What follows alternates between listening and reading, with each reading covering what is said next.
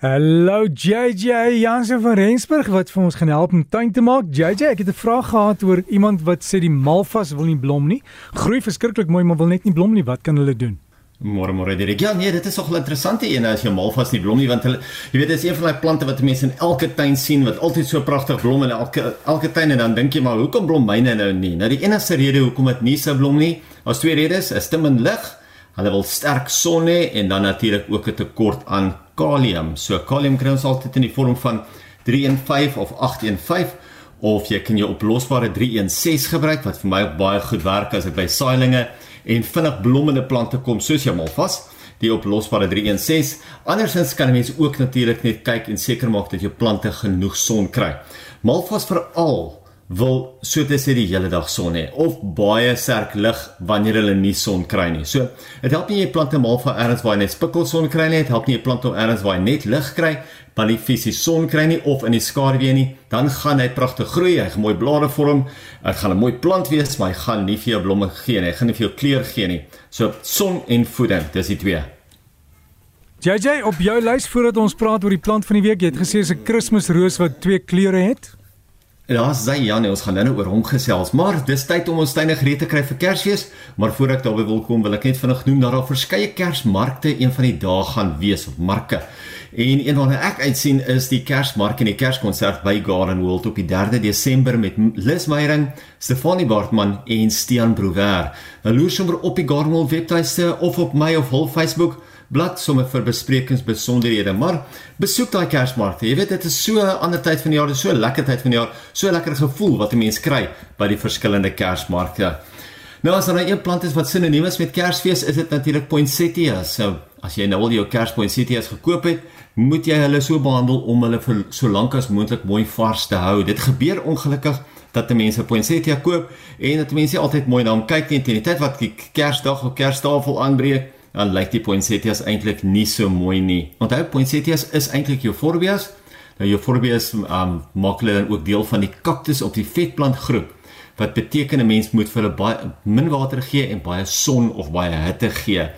Nee, onthou ek het nou gesê hy wil hulle wil baie son en baie hitte maar jy kan nie nou 'n poinsettia vat wat in 'n glashuis gekweek was en nooit direk die son gesien het en onmiddellik in die volson gaan neersit en dink die plant gaan mooi lyk vir die kerstafel nie.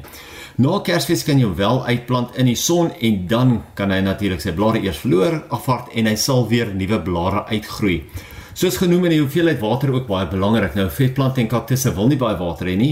Een keer per week is gewoonlik oor as genoeg, maar maak seker jy gooi nie die blare self nat nie, want water los gewoonlik vlekke op hulle blare. Gewoonlik as mense daai wit kolle op die blare sien, is dit as gevolg van die kalk wat in die water is wat dan natuurlik op die blare gaan lê. So sodra mens te veel water gee, val hulle blare ook baie maklik af. So eerder ten minste veel is beter in hierdie geval. Ek sê altyd eerder te veel water as te min, maar as dit by jou poinsettias kom by die euphorbias, is dit definitief eerder te min as te veel is beter.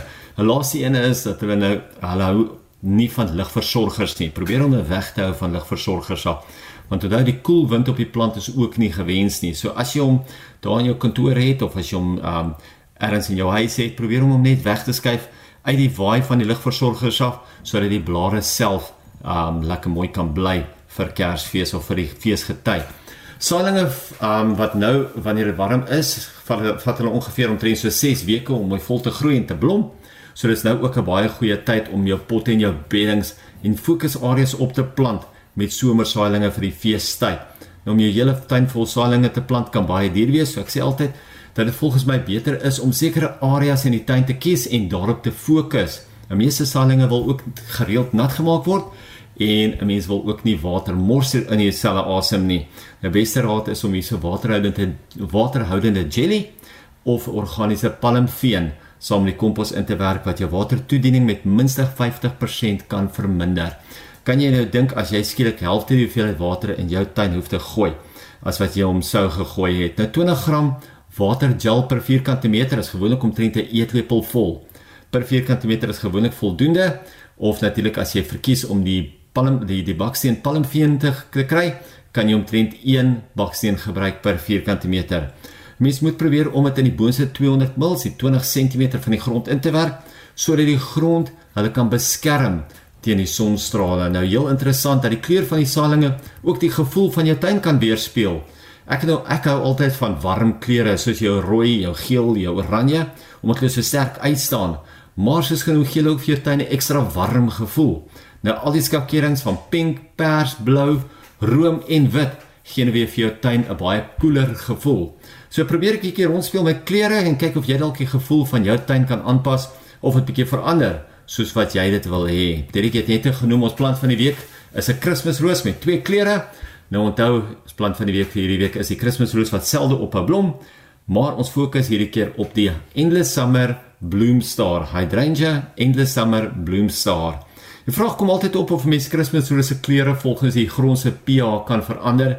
En ja, hierdie is een wat lekker maklik verander. Mens kan gewoonlik Kersroos se kleure verander maar dit vat baie lank uh, tyd om dit te doen en in hierdie geval kan 'n mens hierdie ouetjie lekker vinniger verander. Die bloemstaar het selfs die vermoë om pink en blou blomme op dieselfde plant te hê. Wat ons so besonder maak is hy ook op die op die nuwe sowel as op die ou hout blomknoppe vorm. Gewoonlik vorm hulle dit mos net op nuwe groei, nie op ou hout nie, maar die bloemstaar kan dit op baie doen, beide doen. Hy groei baie meer kompak, hy groei nie baie hoog nie en het 'n baie langer blomperiode. So as jy bietjie wil uitkyk vir 'n bloemstaar, ietsie wat vir jou gaan baie langer kleur gee, hy hou nog steeds van sy suurgrond, hou van baie water, hy hou van halfdag of spikkelson en jy kan natuurlik in potte of in beddings plant. Hy maak regtig 'n pragtige fokusplant. Jy weet hulle praat mos hy heeltyd van op sosiale media 'n conversation point. Jy weet soos ek sê om bietjie die tonge los te kry en te gesels oor jou interessante plant. So kry vir jou 'n bloemstaar. Voorspoed JJ, lekker tuin maak. Asai, baie dankie Sally, daar's dit direk. Dankie. Geniet julle dag. Ons maak so JJ van Rensburg met ons tuinpraatjie. Lekker tuin maak, gaan loer ook op sy Facebookblad Gardens by JJ. Sluit aan, kry die inligting en gaan sien oor daai Kersvertoning sien. Al die plante en die plant van die week.